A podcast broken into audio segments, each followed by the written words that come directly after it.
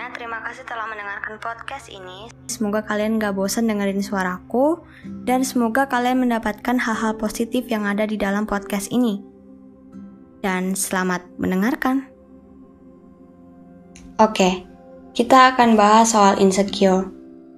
But sebelum topik cerita dimulai, aku mau kasih tahu dulu apa itu insecure. I search in Google and then I find it. So, the definition of insecurity is an unsafe or anxious feeling that usually arises because it is triggered when we feel we are in a certain unsafe or inferior position. And then, feeling insecure is actually normal. Jadi saat kamu ngerasa nggak aman dan gak nyaman di suatu kondisi atau posisi, bisa aja kamu lagi kena insecurity. Kita mulai aja ya ceritanya. Jadi, cerita ini adalah salah satu cerita dari teman aku. Dia bilang begini, Rif, aku insecure tentang fisik aku sendiri. Dari mulai kaki yang tak sesuai dengan standar kaki yang indah pada umumnya, paha, betis yang katanya harus kecil dan terlihat ramping. Dari mulai itu, lama-kelamaan aku insecure dengan rambut, lalu warna kulit. Bahkan yang paling sering aku insecurein itu soal jerawat di wajahku. Ya, tidak menutup kemungkinan jerawat itu bukanlah suatu kutukan dari Tuhan melainkan itu suatu berkat dari Tuhan kepada kita, karena dengan adanya jerawat itu bertanda bahwa wajah kita beroperasi dan menunjukkan kita belum produktif dalam merawat tubuh kita, dan juga jerawat bisa disembuhkan kok. Tapi yang bikin sedih itu ketika ada satu orang atau bahkan beberapa orang yang kalau lihat wajahku itu langsung jijik Heran. Bahkan ada beberapa orang yang dengan beraninya to the point ngomong ke aku. Padahal dia nggak tahu kalau aku juga lagi usaha melakukan yang terbaik untuk wajahku. Emangnya fisik itu skalanya ya? Apa mereka nggak ngeliat dari attitude juga? Apa cuman fisik aja? Aku juga lagi cari tahu bagaimana caranya dapetin uang dan nabung buat beli perawatan tubuh atau kulit aku.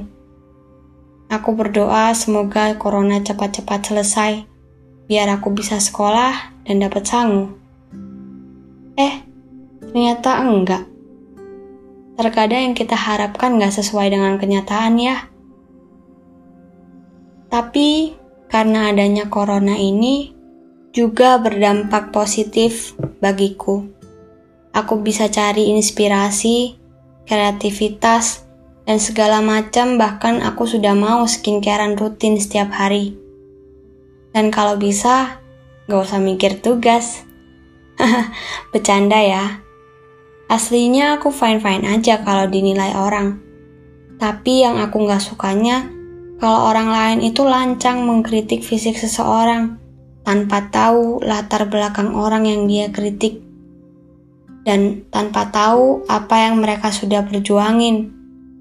Dan benar ya, kata Amang, kalau kita manusia itu takut dinilai orang, mulai dari sekolah, attitude, prestasi, pandangan, cara berbicara, berpakaian, dan fisik tentunya.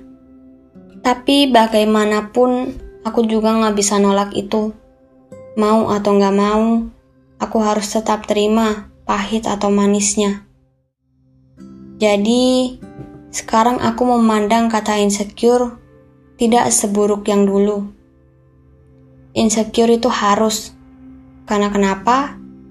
Kalau insecure itu membuat kamu semakin maju, lebih baik, dan akhirnya mau memperbaiki diri, dan bisa mengubah diri kamu jadi lebih baik, kenapa tidak? Sekian terima kasih sudah membacanya. Oke, jadi begini. Seperti yang di awal aku bilang, insecure itu normal dan wajar. Setiap orang terkena insecure. Insecure itu nggak pandang bulu, mau kamu secantik apa pun, sekaya apa pun, sepintar apa pun, kamu pasti juga akan kena insecure. Jadi kita bahas insecure soal penampilan sekarang. Banyak yang mengatakan standar kecantikan itu harus kurus, tinggi, pipi tirus lah, kulit putih. But I don't know it's true or not. Nyatanya itu belum bisa dibuktikan. Bagaimanapun kecantikan gak bisa disamaratakan. Cantik itu relatif. Jadi, kalau kamu ngikuti semua standar kecantikan, itu nggak ada habisnya. Karena hidup itu akan semakin menua. Semuanya akan pudar pada masanya. Aku nggak melarang kamu untuk take care for yourself. Aku ingin kamu self-love pada dirimu sendiri terlebih dahulu. Semua skincare, semua usaha yang kamu lakukan kalau kamu nggak self love dulu, menurutku itu semua percuma. Karena apa? Karena ketika kamu sudah memiliki yang kamu inginkan, kamu nggak akan pernah puas atas apa yang sudah Tuhan berikan padamu. Kamu akan selalu menyalahkan keadaan dan bahkan menyalahkan Sang Pencipta. Semua yang diberikan padamu itu sudah sesuai, sesuai dengan porsimu. Tidak kelebihan dan tidak kekurangan. Semuanya sudah pas. Tinggal bagaimana kamu bersyukur dan merawat dirimu. Kamu merawat diri karena dirimu sendiri, bukan karena orang lain. Jadi, sebelum kamu memutuskan mengubah hidupmu, awali diri dengan self-love. Karena dengan itu, kamu akan lebih maksimal terupgrade-nya. Oke? Okay? Terima kasih telah mendengarkan podcast ini. Sampai jumpa di podcast berikutnya. Dadah!